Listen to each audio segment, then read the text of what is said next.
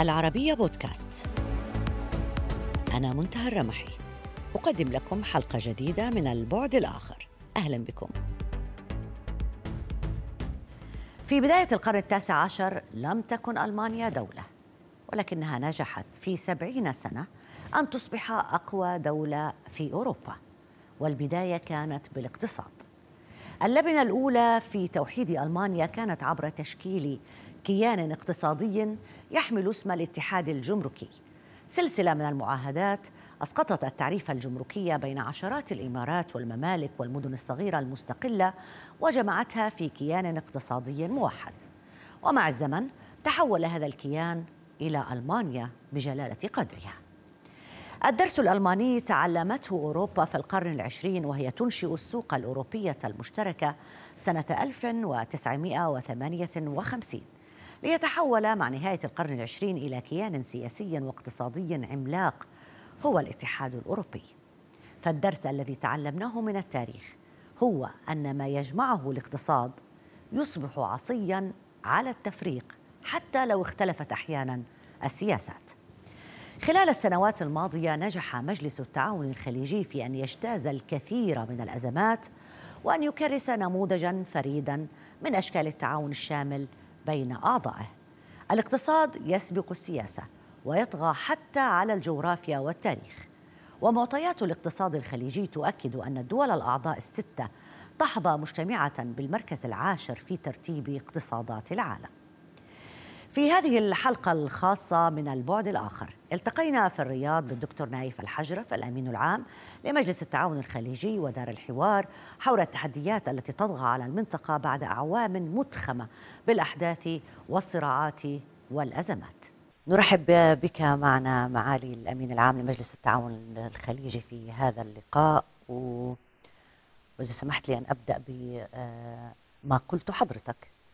ومتأكيدك على أنه مجلس التعاون كيان راسخ وأنه آه، قمة العلا تشكل بداية جديدة لهذا المجلس. هل حدث تاريخيا أنه تعرض المجلس لأي هزة بحجم هزة المقاطعة اللي صارت في الفترة الأخيرة؟ آه، شكرا أخت منتهى. سعيد بهذا اللقاء. آه، ولعل التوقيت مهم جدا أن يأتي هذا اللقاء في أعقاب قمة العلا. ومن العلا ننتقي إلى العلا. آه، منتهى كل المتابعين لمسيرة مجلس التعاون لدول الخليج العربية. آه، يجدون أن هذا الكيان الراسخ آه، قدر أن يأتي من وسط التحديات فهو ولد في ظل تحديات إقليمية في عام 81 تمثلت فيه الحرب العراقية الإيرانية آنذاك وأيضا اندلاع الثورة الإيرانية. وفي 91 أو في عام 90 العقد الثاني من مسيرة المجلس كان غزو العراق للكويت. وفي العقد الثالث كان العالم يواجه تداعيات أحداث تفجيرات نيويورك. وفي العقد الرابع كان العالم العربي يعاني من تداعيات الربيع العربي أو الربيع العربي وتداعياته. وفي كل هذه المحطات كانت تشكل تحديات مباشرة لمجلس التعاون لدول الخليج العربية سواء أيام الحرب العراقية الإيرانية أو غزو الكويت وعملية التحرير وانقسامات العالم العربي بعد ذلك أو 9-11 والأجندة العالمية في مكافحة الإرهاب أو أحداث الربيع العربي. فبالتالي لما نتحدث عن كيان راسخ ويستند على قاعدة صلبة لأن التجربة أثبتت قوة ومتانة ورسوخ كيان مجلس التعاون. قد تسألين ما هي الأسباب؟ بالضبط. أنا بدي تفسير سامحني معاليك بدي تفسير أنه لأول مرة هو تعرض للكيان لهزة من الداخل من داخل مجلس التعاون الخليجي. لكن شو ما صار إعلاميا وعلى المستوى السياسي وعلى مستوى حتى المقاطعة لم يحدث أنه صار في حديث عن تفكيك لمجلس التعاون الخليجي. شو سر ثباته؟ نعم. هناك من راهن على تفكك مجلس التعاون. بل هناك من راهن حتى قبل ساعات من التئام المجلس الأعلى في العلا بذلك. ولكن كان هناك عدد كبير جدا من راهن على ثبات وقوة وتماسك مجلس التعاون وقدرته على تجاوز هذه الخلافات. نعم ليكون لكي نكون أيضا واقعيين ومنصفين ونسمي الأمور بمسمياتها. من 5 يونيو 2017 كانت تجربة غير يعني غير مسبوقة في مسيرة مجلس التعاون وكانت أيضا تجربة مؤلمة جدا. وبالتالي بعد ثلاث سنوات ونص عندما ترسخت القناعة بأنه لا يوجد من سيكسب من استمرارية هذا الوضع بل أن الكل خسران. أيوه. وجدنا حكمة ورؤية أصحاب الجلال والسمو قاده الدول المجلس رؤيتهم البعيدة وما فرضته تحديات 2020 من آه وتطلبته من عمل جماعي أمامنا تحديات كبيرة. وبالتالي إصلاح البيت من الداخل كان آه متطلب أساسي لكي نكون أكثر تماسكا وقوة لمواجهة هذه التحديات. ليس فقط على مستوى أبناء مجلس التعاون ودوله وليس على مستوى الإقليم بل لا أبالغ ذكرت بأن مجلس التعاون اليوم أصبح ركيزة أساسية للأمن والسلم الإقليمي والعالمي.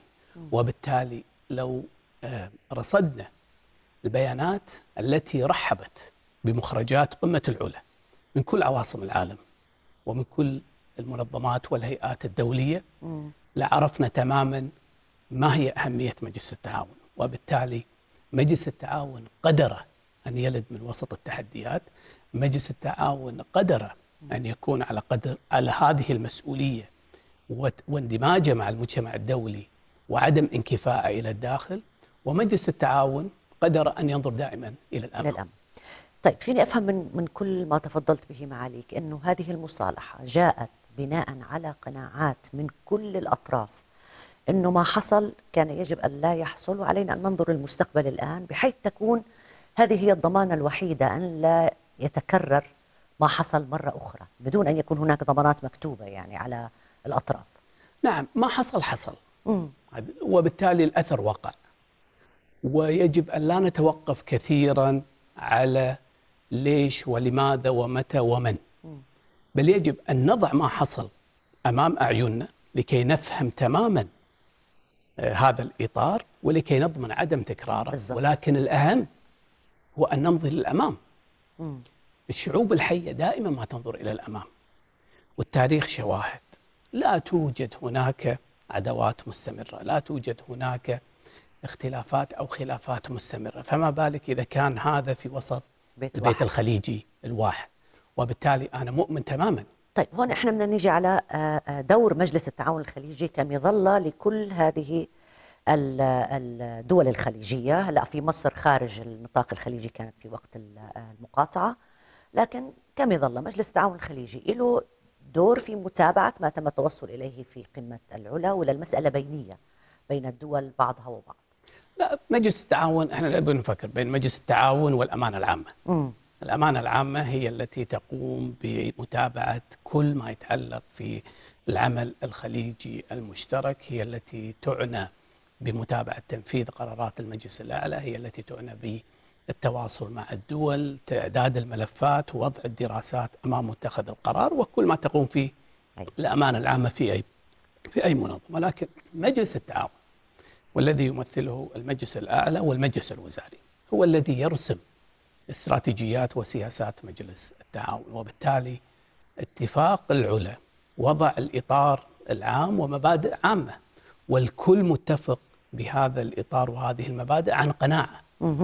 وإلا لم نجد هذا تجاوب هذا التجاوب وهذا التوقيع. و... بس في سبب في التسارع التوقيت يعني أنت بتعرف إنه من سنتين والناس كل يوم بالإعلام يقولوا اليوم وبكرة وبعده وصلنا لاتفاق. تحديات أسرع مما نتوقع. سريعة جدا. وبالتالي علاقة أي علاقة؟ تأخر أي تأخر في حسم أو طي هذا الملف والبدء في مرحلة جديدة. سيكون له يعني آه، آه، أثر. وبالتالي مجلس التعاون اليوم يدشن العقد الخامس من من من مسيرته. كأكثر كيان وتكاملي تعاوني أثبت رسوخه مش في المنطقة. أنا أعتقد أعتقد أعتقد لو ناخذ أيضا الدائرة الأوسع سنجد أن مقومات ومقدرات مجلس التعاون هي التي اعطته هذه القدرة. ان يستمر أربع سنوات واليوم نحن نضع خطة للعقد الخامس. عفوا أربع عقود. وبالتالي نحن اليوم نضع خطة إلى العقد الخامس وكل ما يتحمل من أو يتضمن من تحديات وأيضا طموحات محتاجين أن نواجهها بشكل جماعي. في أي علاقة ما بين الإدارة الأمريكية الجديدة إدارة بايدن تغير إدارة ترامب مع هذا التسارع في مسألة المصالحة؟ أنا يعني ما بعتقد أن أن العلاقة ما بين مجلس التعاون كمنظومة ويمكن أنا يمكن ما يكون لي الحق ان أتكلم ما بين العلاقات الثنائية بين دول مجلس التعاون والولايات المتحدة الأمريكية ولكن أقدر اكد إنها علاقة استراتيجية.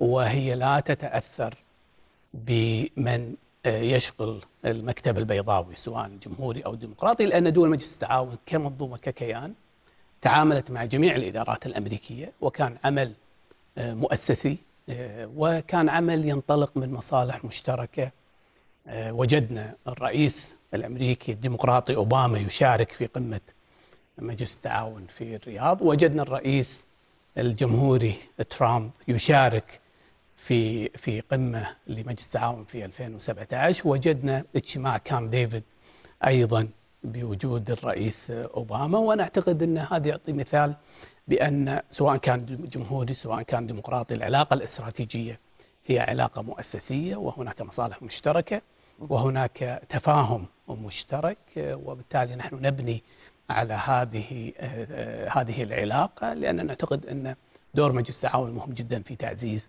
الأمن والاستقرار في المنطقة ودور الولايات المتحدة الأمريكية ليس فقط في المنطقة ولكن في العالم أجمع مهم جدا ضروري أن أن نحافظ على هذه العلاقة آه، بإطارها المؤسسي حتى وإن تغيرت الأشخاص. صحيح. طيب الإدارة الأمريكية السابقة إدارة ترامب مثلا على منطقة قريبة جدا من آه، وأزمتها بتتعلق في آه، على شكل مباشر ربما نقول بمجلس التعاون الخليجي وهي الأزمة اليمنية. إدارة ترامب صنفت الحوثيين كمنظمة إرهابية. قيل بأن إدارة بايدن يمكن أن تتراجع عن هذا التصنيف. الآن مجلس التعاون الخليجي عبر عن ترحيبه بهذا التصنيف. ماذا لو تراجعوا عن تصنيفهم كإرهابيين؟ وقبل ذلك يعني لماذا رحب مجلس التعاون بتصنيفهم كإرهابيين؟ إحنا رحبنا بتصنيفهم كإرهابيين لأن نعتقد أن هذا تصنيف مستحق. ويجب أن تسمى الأمور بمسمياتها. عندما ننظر إلى استهداف المملكة العربية السعودية بصواريخ بشكل مستمر عندما ننظر إلى القتل اللي قاعد يصير في صفوف الشعب اليمني الأعزل عندما ننظر إلى التعسف في السماح لفريق فني بفحص خزان صافر الذي يوشك أن يكون كارثة بيئية واقتصادية. عندما نجد نهب لأموال البنك المركزي اليمني من عائدات آه، إيرادات النفطية. عندما نجد استهداف للحكومة الشرعية في 30 ديسمبر الماضي وهي تصل إلى عدن لممارسة مهامها بشكل واضح أمام مرأى ومسمع العالم فأنا أعتقد أن هذا ما يسمى الإرهاب وأي طرف قد يرى في ذلك مسمى آخر وإحنا مسعدين إحنا نجلس معه ونقول له أن هذا هو الإرهاب بكل ما تحمل الكلمة من معنى. نحن مؤمنين بأننا نعرف هذه المنطقة أكثر من غيرنا. ونحن مستعدين لأن نشرح لكل طرف معني بأمن واستقرار المنطقة بشكل الأشمل. آه لنضع الرؤية لنضع وجهة نظر وجهة نظركم. بشكل بشكلها الواضح. فبالتالي خليها تكون على الطاولة على الأقل عند التفكير في القرارات أو أو التشريعات الاستراتيجية اللي ممكن تحصل بالنسبة لمنطقتنا. ما بنقدر نحكي عن الحوثيين بدون ما نتحدث عن إيران. آه أيضا هناك أقوال تتحدث عن أنه قد تعود إدارة بايدن للاتفاق النووي آه الإيراني. آه، بالرغم من إنه آه، آه، بعض أعضاء الإدارة الأمريكية قالوا علينا أن نشرك دول الخليج وإسرائيل اللي هي الدول لها علاقة بالملف النووي الإيراني في أي مفاوضات قادمة. مجلس التعاون الخليجي كمجلس أو الأمانة العامة لهم موقف في هذا الموضوع في حال عودة أمريكا عن للاتفاق النووي السابق؟ نحن يعني عبرنا بشكل واضح لا يحتمل أي لبس ما يتعلق في الملف النووي الإيراني والاتفاق الذي تم مع دول دامة العضوية زاد واحد. بثلاث منطلقات أساسية. الأول أمن المنطقة كل لا يتجزأ فبالتالي يجب أن لا يكون هناك أي اتفاق يعنى بأمن المنطقة بدون أن يأخذ في الاعتبار رأي جميع الدول ونحن رئيسيين في هذا الملف. وتخوفاتهم مش بس رأي. لدينا تخوفات تخوفات مشروعة. النقطة الثانية الاتفاق عقد في أو وقع في 2015 وكان في قصور من اليوم الأول لا سيما بفترة السماح التي منحت للإيرانيين أو سانست كلوزت اللي اللي اللي وجد اللي وجد في في في, في الاتفاق. ونحن نعتقد أن 10 أو 15 سنة قليلة جدا. وبالتالي آه هذه النقطة الثانية. النقطة الثالثة آه نحن بحاجة إلى إرادة سياسية حقيقية آه يجب أن تعبر عنها جميع الأطراف سواء من داخل المنطقة أو الدول الراعية لهذا الاتفاق بكي لكي بحيث تكون هناك آلية متابعة واضحة. هواجسنا ومخاوفنا حقيقية ومشروعة ولكن في نفس الوقت لا نستطيع أن نغير التاريخ ولا الجغرافيا. إيران ستبقى دائما دولة جار, جار مهتمين بأن يكون هناك أمن واستقرار في المنطقة ولكن أيضا الجانب الإيراني يجب أن يكون في نفس الاتجاه. السلوك الإيراني إلى الآن آه، أعتقد بحاجة إلى مراجعة من قبل الإيرانيين. آه، السلوك الإيراني يجب أن يتوقف عن التدخل في شؤون دول المنطقة ويجب أن يقدم مؤشرات لحسن النية لكي يكون هناك عوامل نبني عليها جانب الثقة. عاجلا أم اجلا قدر مجلس التعاون هو التعامل مع إيران. ولكن هذا التعامل يجب أن يكون مشروط بمقدمات في ناس عاجل وليس آجل. يعني مثلا وزير الخارجية القطري عبر عن آه، قال ندخل في حوار مع إيران وقال هاي رغبة دول مجلس التعاون الخليجي نعم. تشاركها دول مجلس التعاون الخليجي. في في بس فيش حوار بدون بدون أسس نعم بدون في في في 2016 قمه مجلس التعاون أرسلت رسالة عن طريق الكويت آه، إلى الجانب الإيراني وصار في تجاوب ولكن هذا كله توقف عندما تم التهجم على القنصلية السعودية في في في إيران. في في مشهد. في مشهد. فبالتالي ما ممكن أن أنا أرسل رسالة تعبر عن رغبة صادقة جماعية من دول المجلس وفي نفس الوقت تواجه بقصور حتى في حماية البعثات الدبلوماسية لدولة عضو في مجلس التعاون وبالتالي دول المجلس أيضا اتخذت موقف في إما في سحب السفراء أو في تخفيض التمثيل الدبلوماسي. أنا أأكد بأن في علم السياسة يجب أن يكون هناك مساحة للحوار. والحوار هو الذي ينادي به مجلس التعاون وبالتالي بس الحوار وسيلة مش هدف. نعم نعم. الهدف الأساسي هو تحقيق الأمن والاستقرار وتركيز الجهود نحو التنمية.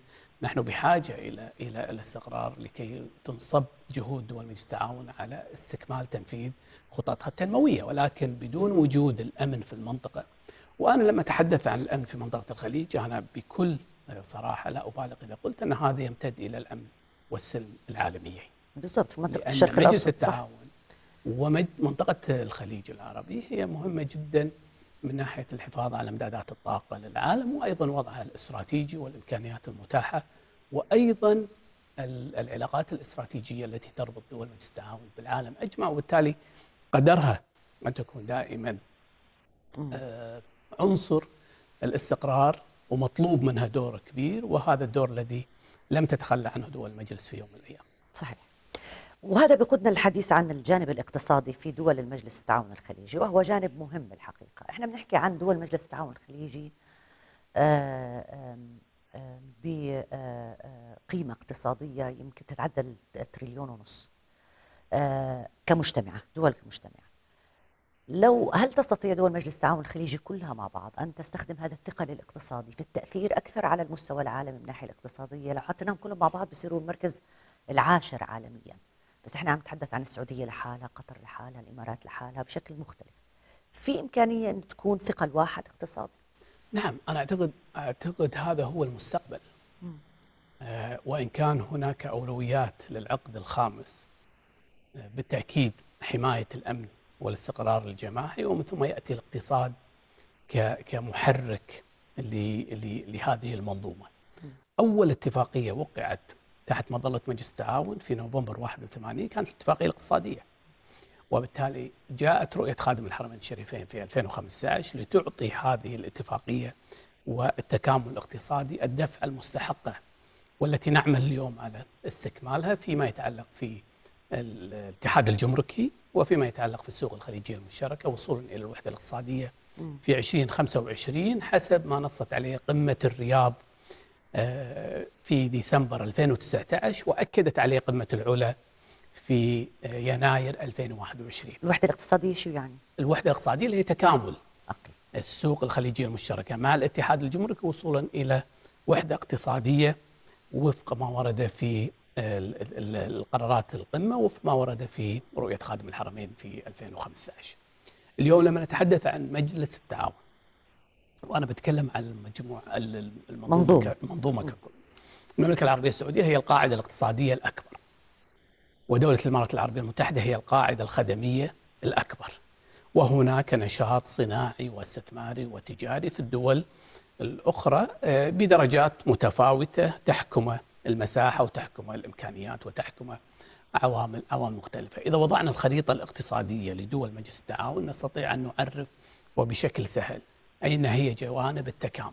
نحن لا نسعى إلى خلق منافسة في في هذه المنظومة الصناعية ولكن نسعى إلى خلق تكامل بحيث يكون هناك استخدام أمثل للموارد. دول مجلس التعاون مجتمعة ال GDP مالها 1.6 تريليون هي تأتي في المرتبة العاشرة في المرتبة الحادية عشر بعض التقارير تتفاوت ولكن هي بالتأكيد من ضمن أكبر 13 اقتصاد في العالم. دول مجلس التعاون تشكل المركز لدائرة تحتوي مليارين نسمة بإمكان استثمار هذا الموقع لكي نكون المحرك الاقتصادي لاقتصاديات مليارين نسمة ماذا على ماذا نستند؟ نستند على بنية تحتية متقدمة جدا سواء كان كانت مطارات أو طرق أو آه، موانئ. نتحدث عن آه، قابلية وجاذبية الاستثمار سواء ال FDIs ال foreign direct investment في داخل دول مجلس التعاون أو قدرة مجلس التعاون على الاستثمار من خلال الصناديق السيادية، اليوم عندنا أربع صناديق سيادية خليجية من ضمن أكبر عشر صناديق عالمية، اليوم نتحدث عن أسواق المال في دول مجلس التعاون الأسواق السبعة آه، بقيمة رأسمالية آه، تتجاوز 3 آه، تريليون دولار تشكل 3.5% من قيمة الأسواق الرأسمالية للعالم العالم. وتشكل 8.1% من قيمة السوق الرأسمالية لأسواق أوروبا. طبقا طبقا لبيانات نوفمبر 2020 وبالتالي لدينا أسواق مال أيضا تتمتع بقدر عالي من التصنيف. لدينا قطاع مصرفي يتمتع بدرجة عالية جدا من المهنية ومن المعايير العالمية ولدينا العنصر البشري. اليوم أكثر من نصف المجتمع الخليجي هم شباب شباب متعلم على درجة عالية من التأهيل والتدريب استثمرت الدول في في في هؤلاء الشباب. في الوقت اللي دول العالم الأول تعاني من الشيخوخة أو aging societies لكن إحنا اليوم لدينا القدرة المالية لدينا النفط 22% من احتياطيات النفط المعلنة موجودة في دول مجلس التعاون لدينا القدرة المالية لدينا القدرة العنصر البشري ولدينا الاستقرار السياسي. فبالتالي لدينا كل المقومات أن تعمل هذه المجموعة ككتلة محفزة لاقتصاديات مليارين نسمة. أخذا في الحسبان أن العالم اليوم في أعقاب كوفيد 19 واللي الكل مؤمن بأن العالم لن يعود كما كان بعد جائحة كورونا. اليوم العالم يتوجه إلى تكتلات اقتصادية. نحن لدينا نقاشات اليوم مع الاتحاد الأوروبي لاستئناف مفاوضات اتفاقية التجارة الحرة لأن الاتحاد الأوروبي ككيان اقتصادي كبير. لدينا اليوم نشهد أن الصين و14 دولة أخرى في نوفمبر الماضي أطلقت منطقة التعاون الاقتصادي الشاملة. هو تكتل سيخلق أكبر منطقة تجارة حرة في الشرق. لدينا العلاقات التجارية مع الولايات المتحدة الأمريكية مع جنوب أمريكا أو أمريكا الجنوبية أيضا مع الإسيان. فبالتالي العالم اليوم مقبل على هذه التكتلات. تكتلات تكون منطلقاتها اقتصادية. ونحن لدينا من كل التجارب أو كل المقومات أن يكون هذا التكتل هو أحد أهم التكتلات في المنطقة. أضف إلى ذلك أن كل دول الخليج اليوم بلا استثناء لديها خطط تنموية طموحة. عندما نضع كل هذه الخطط مع بعض أنا أعتقد سنخرج بما لا يقل عن 50% من تطابق. أنا ما بقول توافق تطابق في أهداف هذه الرؤى. فبالتالي لك أن تتخيلي العمل الجماعي المشترك في تنفيذ هذه الرؤى والتي ستنعكس بالإيجاب في دعم التنمية الشاملة في تحقيق مراكز متقدمة في مؤشرات التنافسية العالمية وأيضا في تعزيز المقدرات والمكونات الاقتصادية لخلق قيمة مضافة خلق فرص عمل تمكين الشباب تمكين المرأة تعزيز متطلبات الثورة الصناعية الرابعة الذكاء الاصطناعي. اليوم المملكة العربية السعودية الأولى عالمي عربيا في الأمن السبراني. وهذا أيضا مجال آخر مختلف وفي جهود كبيرة بين دول المجلس في تعزيز الأمن السبراني. فبالتالي هناك من المقومات الكثير. وعندما نقول أن العقد الخامس يجب أن انطلاقة جديدة. انطلاقة جديدة من العلا تركز على التعامل مع التحديات في مفهومها الأمني والعسكري والإستراتيجي وفي نفس الوقت تسعى إلى دفع أجندة التنموية الجماعية لدول مجلس التعاون لأن الوقت لا ينتظر وبالتالي علينا أن نسارع الخطى نحو ترجمة هذه التوجيهات الحكيمة والتي دائما ما يوجه فيها أصحاب الجلال والسمو قادة دول المجلس على أرض الواقع. وهذا لسه ما حكينا عن التنمية المستدامة وعن الاستخدام التكنولوجي وعن المدن الجديدة والأمن الغذائي. الحقيقة هي بحاجة للقاءات أخرى لأنه أتصور أنه حتى المواطن في العالم العربي ليس فقط المواطن الخليجي هو يتطلع أين يمكن أن يصل مجلس التعاون الخليجي لأنه بالتأكيد تأثيراته ستنعكس على آه، المواطن العربي بشكل عام. ألف شكر لك معالي الأمين العام على هذا اللقاء. شكرا جزيلا. شكرا لكم. شكرا العربية وبهذا انتهت هذه الحلقة من البعد الآخر إلى اللقاء.